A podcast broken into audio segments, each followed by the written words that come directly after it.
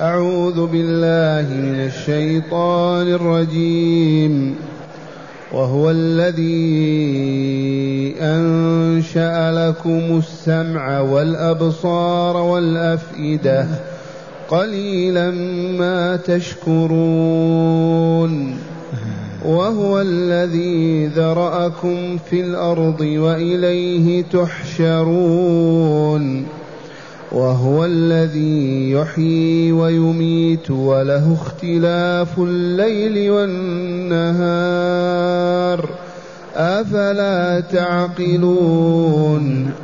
بل قالوا مثل ما قال الأولون. قالوا أإذا متنا وكنا ترابا وعظاما أإنا لمبعوثون لقد وعدنا نحن وآباؤنا هذا من قبل إن هذا إن هذا إلا أساطير الأولين. أحسنت.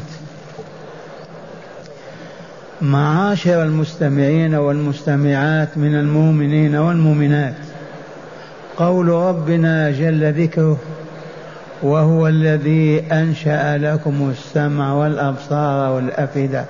قليلا ما تشكرون. في هذه الآية استدلال وامتنان يستدل بها على وجود الله وأنه ذو الحكمة والرحمة والعلم والقدرة.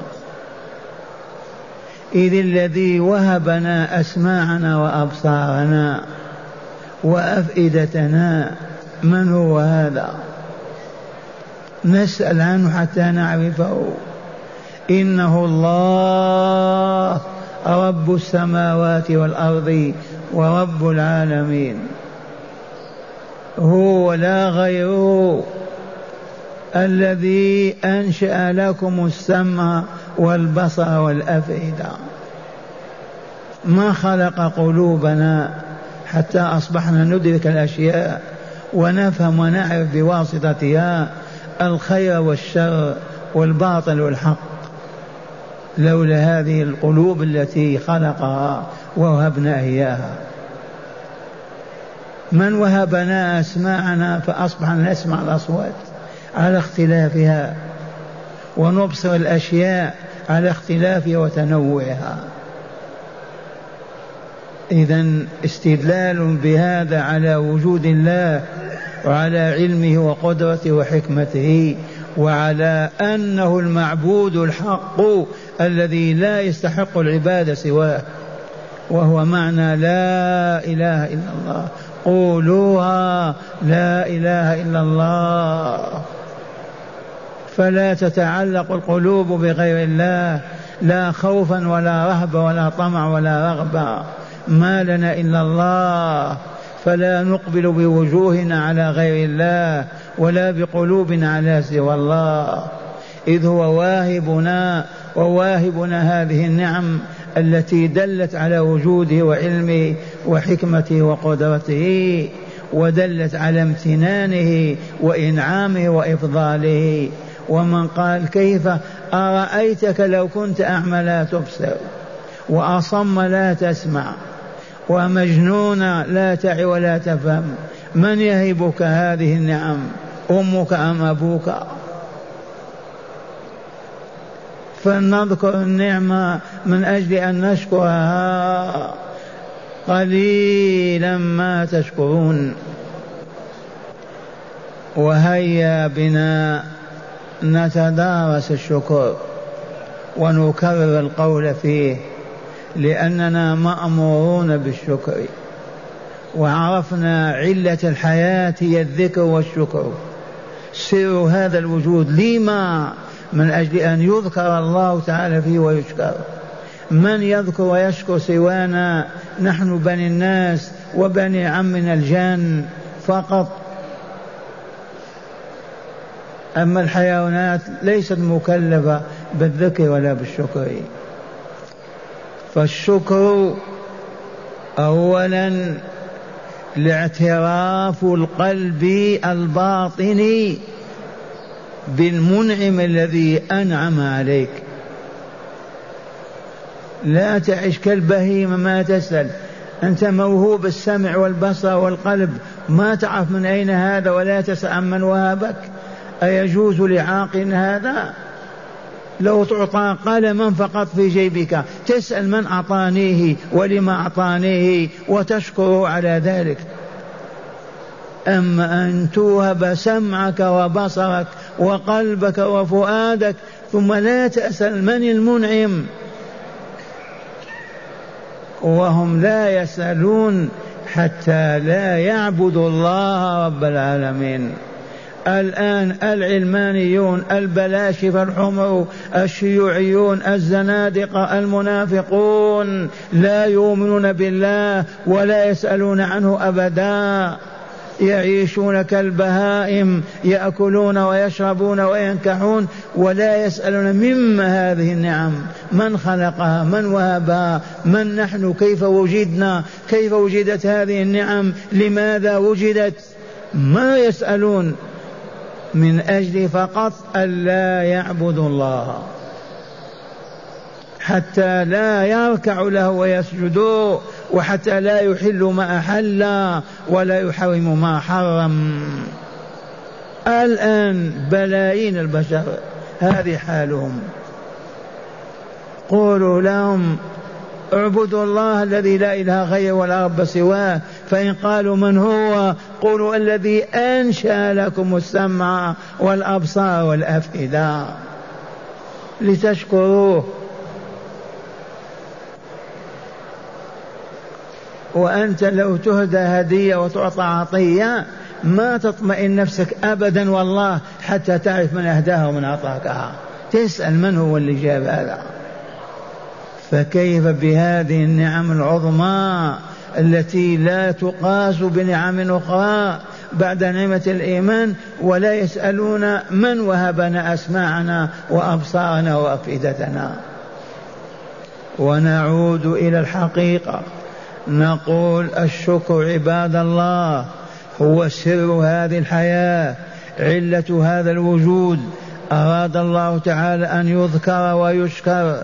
فخلق العوالم كلها وبخاص عالم الملائكة والإنس والجن من أجل أن يذكر ويشكر. فمن ذكر الله بلسانه وقلبه وشكره بلسانه وقلبه نجا وفاز بل وسعد. ومن أعرض عن ذكر الله وشكره هلك خسر خسرانا أبديا. يقضي أيامه الدنيوية هذه في بلاء وشقاء وضيق ثم ينتقل إلى عالم لا ينتهي شقاؤه أبدا. لا عام ولا بليون سنة. ما في سنوات. حياة أبدية لا تنتهي. الشكر الاعتراف بالنعمة أولا للمنعم. هذا المال الذي في جيب من أنعم به علي. لابد أن نعرف الله. فإذا عرفت المنعم حمدته وقلت الحمد لله. اذكر النعمة واذكر المنعم. اعترف بوجود نعمة موجودة. واذكر من أوجدها المنعم بها من هو. ثم بعد ذلك أعلن عن حمده وشكره. الحمد لله الحمد لله. وقد عرفتم وها أنتم تعيشون على هذه النعمة. لا ناكل لا نشرب لا نمشي لا نركب لا ننزل إلا وكلمة الحمد لله الحمد لله الحمد لله. مريض على سرير الموت كيف حالك؟ يقول الحمد لله. جائع. الجوع يمزق أمعاءه كيف حالك؟ الحمد لله. ولهذا عرفنا في الكتب السابقة وعند الأمم الماضية بأمة الحمد أو بالحمادين. من هم الحمادون؟ المسلمون. والواقع شاهد أيما مؤمن عرف ربه واستقام على منهجه تسأل عن حاله لا لا يقول إلا الحمد لله الحمد لله الحمد لله. ثالثا الاعتراف اولا وحمد الله باللسان ثانيا وصرف النعمه فيما يرضي المنعم جل وعز. صرف النعمه فيما يرضيه تعالى وهو المنعم. وهيا نبدا بأبصارنا. نعمة وإلا لا؟ نعمة النعمة هذه البصر. اذا فاشكر الله عليها. قل الحمد لله معترفا بها أنها من الله وإياك أن تصرفها فيما يغضب الله. وهل هناك مناظر لا يحل النظر إليها؟ إي نعم. لا يحل لك أن تنظر إلى امرأة غير محرم من محارمك وتتمتع بالنظر إليها أبدا فإن فعلت فقد عصيت وكفرت النعمة ولم تشكرها. وقل للمؤمنين يغضوا من أبصارهم ويحفظوا فروجهم. وقل للمؤمنات يغضضن من أبصارهن فلا يحل لامرأة بالله الآخر أن تنظر إلى رجل أجنبي وتتمتع بالنظر إليه. ولا يعفى إلا النظرة الأولى التي هي الصدفة بدون قصد. وبعد ذلك لا يحل لمؤمن ولا مؤمن أن ينظر ويتمتع بالنظر. وهنا مزلق زلقناه. إذا وظفنا المؤمنات مع الرجال يشتغلن. أسألكم بالله هل يمكن للرجال أن يغضوا أبصارهم؟ مستحيل.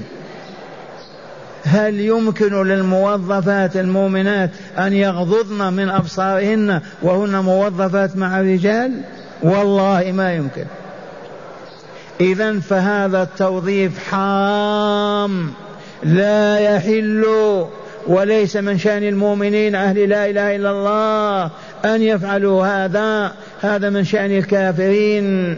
عليهم لعائن الله لأنهم كفروا بالله وأنكروا دينه وشرعه وهم يعيشون كالبهائم.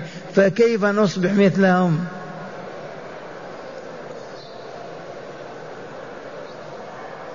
أو لا نبالي بمعصية الله؟ حينئذ كفرنا وخرجنا من ملة الإسلام. نعمة البصر يجب أن تشكر الله تعالى عليها بالحمد لله وألا تنظر بها حيث لا يريد الله أن تنظر إليه. نعمة ماذا؟ السمع. ينبغي أن لا تسمع إلا ما أذن الله بسماعك له. أما ما حرمه الله ومنعه فلا يحل أن تستقدم هذه النعمة فيما يغضب المنعم جل جلاله وعظم سلطانه. ومعنى هذا لا نسمع باطلا ولا زورا ولا غنى ولا شر ولا ظلم ولا خبث ولا غيبة ولا نميمة ولا ولا. ما نستعمل أسماعنا إلا فيما يرضي ربنا. لأننا مأمورون بالشكر وإلا لا نشكر هذه النعمة. مجلس يغتابون فيه وينممون ويذكرون الباطل. يجب أن تغلق أذنيك وأن تخرج من هذا المكان. مجلس باطل وسوء يتحدثون به عما لا ينبغي مما يغضب الله. لا يحل لمؤمن أن يبقى جالسا معهم وإن اضطر يغلق أذنيه بإصبعيه ولا حرج. وهذه المظاهر وهذه المزامير والأباطيل التي تحملها الأدشاش والصحون الهوائية. وقد نددنا وما زلنا نندد. لا يحل لمؤمن ولا مؤمنا أن ينظر إلى عاهرة تغني والمؤمن لا أن تنظر إلى فاجر يغني نظرة كاملة بين يديها. في بيتها هذا لا يحل لنا ولسنا من أهله لأننا نريد أن ننزل السماء. نريد أن ننزل بعد الموت السماء العليا في جنة عدن. فلهذا إن تنازلنا على هذه الترهات وابتعدنا عن هذه الأباطيل ما في ذلك أبدا ما يزعجنا. نتهيأ لأن نساكن النبيين والصديقين والشهداء والصالحين. ولا تعجبوا أبدا ودائما نقول يا صاحب الدش أو التلفاز في بيتك تجلس أنت ووالدتك أو بناتك وأبناك وتنظرون إلى العواه والمغنين والراقصين والكورة واللعب وتتمتعون. أسألكم بالله ماذا تستفيدون؟ ريال واحد والله لا ريال تجلس ساعة والساعتين بدون ريال هل تستفيدون حسن الجواب؟ لا لأنها كلها سيئة.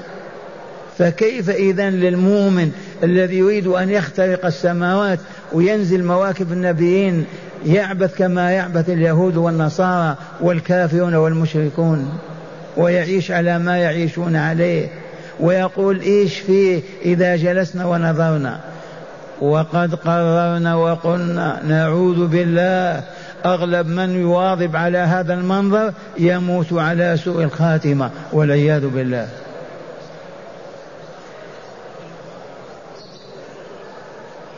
الشكر ذكر وذكر الله علة حياتنا وسر وجودنا. فلنعيش طول حياتنا ذاكرين لله. ما تمضي ساعة لا نذكر الله فيها أبدا إلا ساعة النوم. دائما ألسنتنا قائمة بذكر الله في كل أحوالنا وظروفنا. شكر الله على نعمه. ما نأكل ولا نقول من أنعم بهذه النعمة. هذا الله أنعم بها. هيا نحمده ونشكره. الحمد لله والشكر له.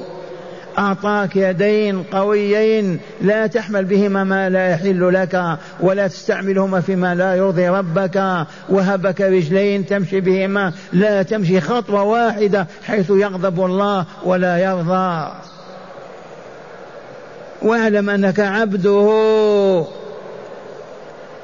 وعبد والعبد تابع لسيده فيما يحب وفيما يرضى وفيما يسخط ويكره. هكذا يقول تعالى معلما وهو الذي أنشأ لكم السمع والأبصار والأفئدة. لماذا ما قال الأسماع؟ قال لأن السمع آلة تسمع بها كل صوت. لا تسمع بها إلا الصوت فقط. وأما الأبصار تبصر بها أشياء متنوعة من النملة إلى الجمل. والأفئدة جمع فؤاد لأنك أيضا تعقل بها وتفهم بها عجائب الكون. قليلا ما تشكرون لما ما قال ما تشكرون. قال قليلا من باب الاحتراس. قد يوجد من يشكر الله في الأمة. فلا يقول عبارة قد تنقض بوجود فلان من الشاكرين. والواقع أنهم ما كانوا شاكرين. الآية الثانية وهي قوله تعالى وهو الذي ذرأكم في الأرض ذرأكم خلقكم ونشركم في الأرض وإليه تحشرون. هل هناك معه أحد فعل هذا؟ أسألكم بالله. هل هناك من شارك الله في خلقنا وفي زرعنا في هذه الأرض وإنباتنا فيها؟ لا أحد. اذا فلا يعبد إلا هو. ثانيا وإليه لا إلى غيره نجمع في صعيد واحد في أرض واحدة لنقابله فيختبرنا ويمتحننا ويظهر الطيب منا والخبيث فينا. وإليه لا إلى غيره تحشرون. اذا هذا الذي خلقنا ونحشر إليه فقط هو الذي يجب أن نعبده. هو الذي نحبه ونطرح بين يديه. هو الذي نحب ما يحب ونكره ما يكره. أما الأصنام والأحجار والتماثيل والشهوات والأهواء والأطماع وزخارف الدنيا لا قيمة لها هذه. كيف إذا كيف إذا نميل إليها ونطرح بين يديها؟ ونترك الذي ذرأنا وإليه لا إلى سواه حشرنا وجمعنا. وهذا تقرير لمبدأ, لمبدأ الإيمان بالدار الآخرة. وقد بين لنا القرآن ورسول القرآن صلى الله عليه وسلم كيف الحشر هذا. إنها نفخة الصور. فإذا بالقيام بالبشرية كلها واقفة في صعيد واحد ثم تحشى وتجمع لساحة فصل القضاء والحكم عليها. هو لا سواه لا عيسى ولا أمه لا العزير ولا ولا ولا عبد القادر الجيلاني ولا عيدروس ولا فاطمة ولا حسين ولا رسول الله ولا هو وحده الذي ذرأكم في الأرض. ثانيا وإليه لا إلى غيره تحشرون. هذا الذي يجب أن نطيعه إذن. هذا الذي يجب أن نعبده هذا الذي يجب أن نحب ما يحب ونكره ما يكره هذا الذي نحن مستعدون لأن نمتثل أمره ونجتنب نهيه لأنه نعمة وجودنا. أنعم علينا بوجودنا. كيف لا نعبده ونلتفت إلى غيره؟ وهو الذي ذرأكم في الأرض وإليه تحشرون. ويقول تعالى وهو الذي يحيي ويميت. من يستطيع يقول هناك من يحيي ويميت غير الله؟ الملاحدة والكفار والجهال والضلال ما يعرفون. اسألوا من يحيي لا لا, لا لم لا تدري كيف الحياة أمامك تشاهد في كل المخلوقات؟ ما تسأل عن واهبها عن موجدها عن باعث عن معطيها؟ كيف تعيش كالحيوان يعني؟ هو لا سواه يحيينا إذ كنا نطفا في أرحام أمهاتنا. فأحيانا مضغة ونفخ فيها الروح وإذا بها بشر يسمع ويبصر وينطق ويمشي. ثم يميتنا فيه من يميتنا. ليس أبدا في الكون من يحيي ويميت إلا الله. إذا فلا إله إلا الله. لا يعبد إلا هو. وإن قلت فلان يميت يقتل الناس. هذا الذي يقتل الناس من خلقه؟ يده من حركها. سلاح من أوجده. الله. نعم. ما دام باشر الجريمة بيده واخذ بها لكن القتل الحقيقي المميت الله عز وجل هو الذي يميت. وقد شاهدت البشرية في طول حياتها أناسا ظنهم يموتون ما ماتوا وأحياهم الله. وأناس عزموا أن لا يموتوا بين وماتهم الله. والشاهد عندنا في أن الله هو الذي يحيي ويميت فلا يعبد إذن إلا هو. لا يذكر ولا يشكر إلا هو. لا يقرأ إلا كتابه. ولا يمشي إلا وراء نبيه ولا يحب إلا من أجله ولا يكره إلا من أجله. هو الذي يحيي ويميت. أولا آية أخرى وله اختلاف الليل والنهار. الليل والنهار من أوجدهما؟ بنو عامر بنو فلان أمريكا اليابان الصين. ثم الليل والنهار الظلام والضياء من أوجدهما؟ ثم اختلافهما. هذا الليل قد غشانا بعد ساعات يرحل وياتي النهار يغشينا بضوئه. ينقضي كذا. من يدبر هذا التدبير؟ من خلق هذا الكون؟ لو قالوا فلان وصدقوا نعبد معهم ما هناك ابدا في الكون العلوي والسفلي من أوجد الليل والنهار لصالح عباده إلا الله الخالق العزيز الحكيم. وله لا لغيره يده وحدها هي التي تخالف بين هذا وهذا لصالح عباده. لو استمر الليل أبدا أو النهار أبدا لضاقت الحياة وما صلحت أبدا. كيف ما نشكر هذه النعمة العظيمة؟ يعطيك كهرباء في بيتك كل ما تراه تحمده. مصباح فقط تشكر عليه. ثم النهار بضوئه عشرين عشر ساعات اثنى عشر ساعة. ما تقول الحمد لله. يأتي الظلام لتستريح فيه وتهدى أعصابك من جهد العمل في النهار فتنام ولا تقول الحمد لله. فالكفار كلهم لا يحمدون الله لا على ليل ولا على نهار لا على ضوء ولا على ظلام لا على خير ولا شر. والعياذ بالله عرفتم قيمة الكفر والكافرين؟ أحط الخلق. وحسبنا ما نكرره من قول ربنا أولئك هم شر البريئة. من شر الخليقة؟ القردة والخنازير. لا والله. الحيات الثعابين. لا والله شر الخليقة فقط. الكافرون بالله المكذبون به العابدون لغيره المعرضون عن ذكره وطاعته. هذا حكمه عليهم وإلا لا؟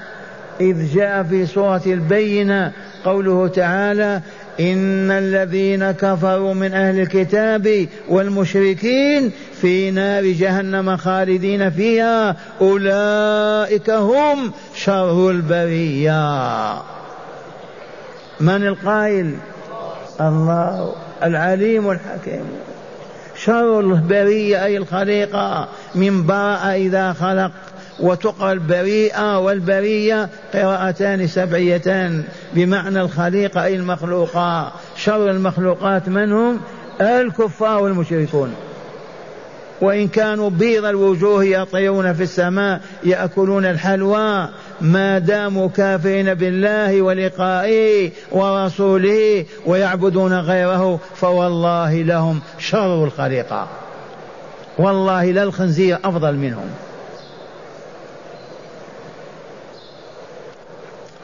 وهو الذي يحيي ويميت وله اختلاف الليل والنهار. أفلا تعقلون؟ يعيب عليهم يندد بهم يوبخهم. لما؟ ما تعقلون أبدا. وقد قلت لكم الكفار يعيش خمسين سنة ما يسأل ما سبب النهار أو الليل. لما وجد الليل والنهار؟ من أوجدهما؟ ما يسأل.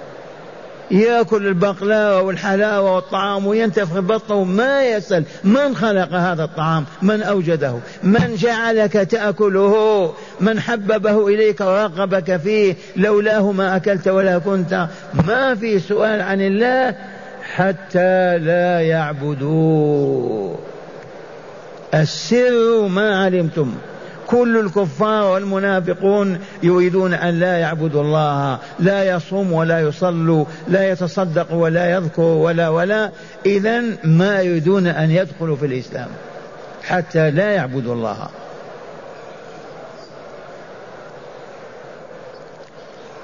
أفلا تعقلون توبيخ هذا ولا لا؟ تعيشون وتشاهدون الحي الحياة والموت والليل والنهار والظلام والضياء وما تسألون من فعل هذا. حتى نحبه ونرغب فيه ونطلبه ونسأل عنه لنؤمن به ونعبده. ثم قال تعالى حاكيا قولهم بل قالوا مثل ما قال الأولون. الكافرون اليوم والمشركون وقبل اليوم ويوم نزول القرآن الكل يقولون مثل ما قال الأولون من الضلال والجهال والكافرين والمشركين. ماذا قالوا؟ أإذا متنا وكنا ترابا وعظاما أئننا مبعوثون أإذا متنا وكنا ترابا وعظاما نخرا في الأرض نبعث أحياء. هذه الكلمة يتغنى بها كل الملاحدة والمشركين والكافرين. إلى الآن. الذي أوجدكم أولا كنتم معدومين أمواتا فأحياكم ثم يميتكم. الثالثة يعجز عنها لو كان عندك عقل لو ما أحياني أول مرة لو ما أماتني نقول ما يقدر. لكن أم أحيا أماتك أولا وأحياك ثم أماتك. بعد ذلك يعجز عن إحيائك؟ أي عقل يقول هذا؟ ما دام قد أحيانا وعشنا ثم أماتنا هل يعجز أن يحيينا مرة ثانية؟ مستحيل على في عقل العقل أن يقول ما يستطيع ما. كيف لا وقد أحياك وأماتك ما يميت ما يحييك مرة ثانية هذه يتغنى بها الملاحدة إلى اليوم حتى لا يعبدوا الله حتى لا يدخلوا في الإسلام فيحل لهم ما يحل ويحرم ما يحرم. يريدون الحرية المطلقة ينكحون يأكلون يشربون يقولون ينظرون بلا قيد ولا شرط كالبهائم ويظنون أنهم ترقوا بلغوا مستوى عالي. فتحوا أندية اللواط والعياذ بالله. بل قالوا مثل ما قال الأولون بدل أن يتدبروا ويتعقلوا ويفهموا لا لاذوا بما قال السابقون من المشركين. قالوا أإذا متنا وكنا ترابا وعظاما أئنا لمبعوثون أحياء مرة ثالثة. الجواب إيه نعم. الذي أحياكم وأماتكم قادر على أن يحييكم مرة ثالثة. لو ما قدر في الأول نعم لكن قدر على إحيائنا وعلى إماتتنا. كيف يعجز عن إحيائنا مرة ثانية؟ بل الإعادة أسهل وإلا لا؟ واقعا ليست بأسهل. صنعت ثوبا. نسجته صنعته ثم مزقته. في من يقول ما يستطيع أن يصنع مثله؟ والله لا يقولها أحد. لأنه دال على وجوده. سمعتم ما قال الأولون من المشركين والملاحدة؟ قالوا أإذا متنا وكنا ترابا وعظاما أئنا لمبعوثون. الاستفهام عندهم للإنكار والتكذيب. قال تعالى عنهم لقد وعدنا نحن وآباؤنا هذا من قبل. هذه كلمة العلمانيين الملاحدة. وعدنا هذا على عهد عيسى وإلى موسى وإلى سليمان وإلى إبراهيم. وعدنا بهذا أننا نموت ونحيا ثم نبعث. يريدون أن يبعثوا والآن في الدنيا. هذا خطأ. أحياهم في الدنيا وأماتهم لكن يبعثهم في الدار الآخرة التي لا تفنى ولا تبقى. لا تفنى أبدا بل تبقى أبدا. وأكرر القول أن هذه الحياة الدنيا ليست دار بقاء وخلد أبدا لأنها دار عمل فقط والدار الآخرة دار الجزاء وأخذ المقابل فهي دار بقاء إذا وإلا لا. فالعاملون عندنا في الوظائف والعمل يتقاضون أجورهم متى؟ لما ينتهي العمل وإلا لا. فنحن متى نتقاضى أجورنا وندخل الجنة والنار بعدما تنتهي حياتنا بعدما ينتهي العمل. الدار الآخرة دار الجزاء. والله ليست إلا دار جزاء. ما فيها صيام ولا صلاة ولا جهاد ولا رباط ولا ولا. ما هي إلا دار نعيم دائم أبدا أو عذاب وشقاء دائم أبدا. من صنع هذا وخلق؟ الله العليم الحكيم. المدبر العزيز الحكيم. سمعتم ما يقولون لقد وعدنا نحن وآباؤنا هذا من وعدهم الرسل والأنبياء لقد وعدنا هذا نحن لقد وعدنا نحن وآباؤنا هذا من قبل إن هذا إلا أساطير الأولين أي ما هذا الذي تقول يا محمد إلا حكايات الأولين. سطروها في الكتب وكتبوها والواقع ما فيه. ما فيه من يحيا بعد أن يموت. فهمتم معنى أساطير الأولين؟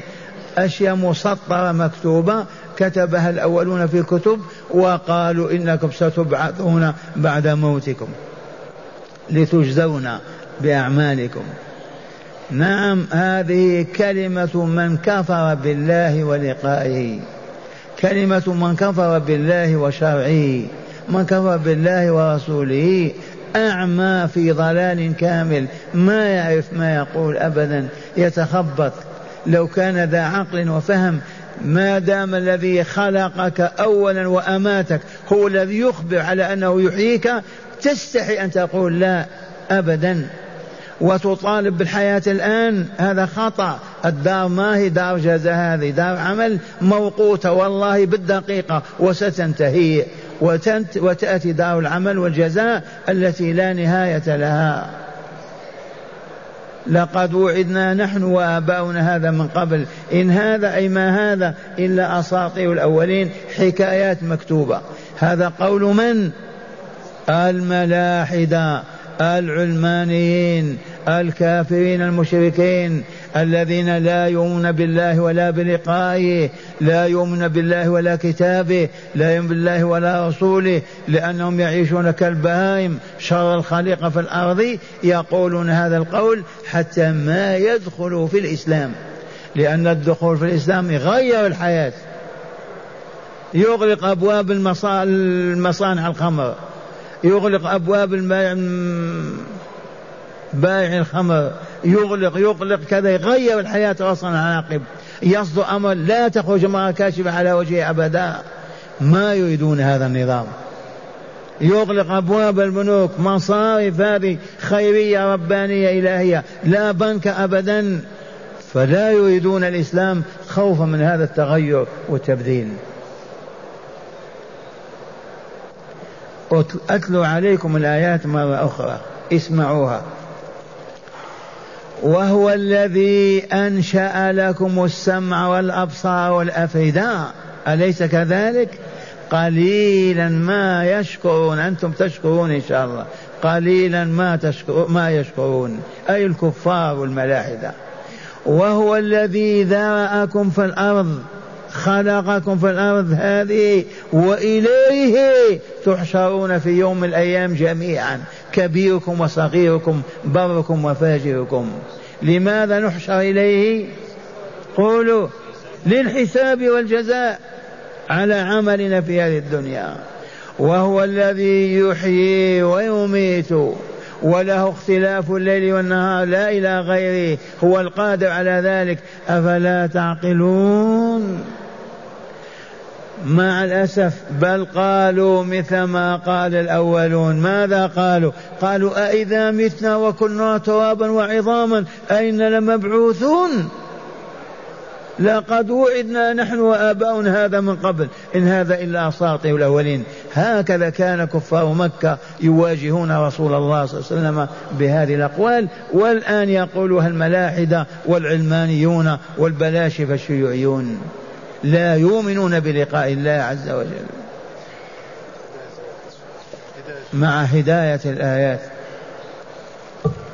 بسم الله والحمد لله.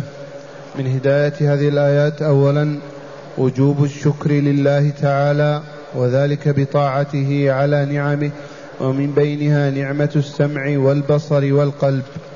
من هداية الآيات التي درسناها. الآية الأولى تدل على وجوب شكرنا لله.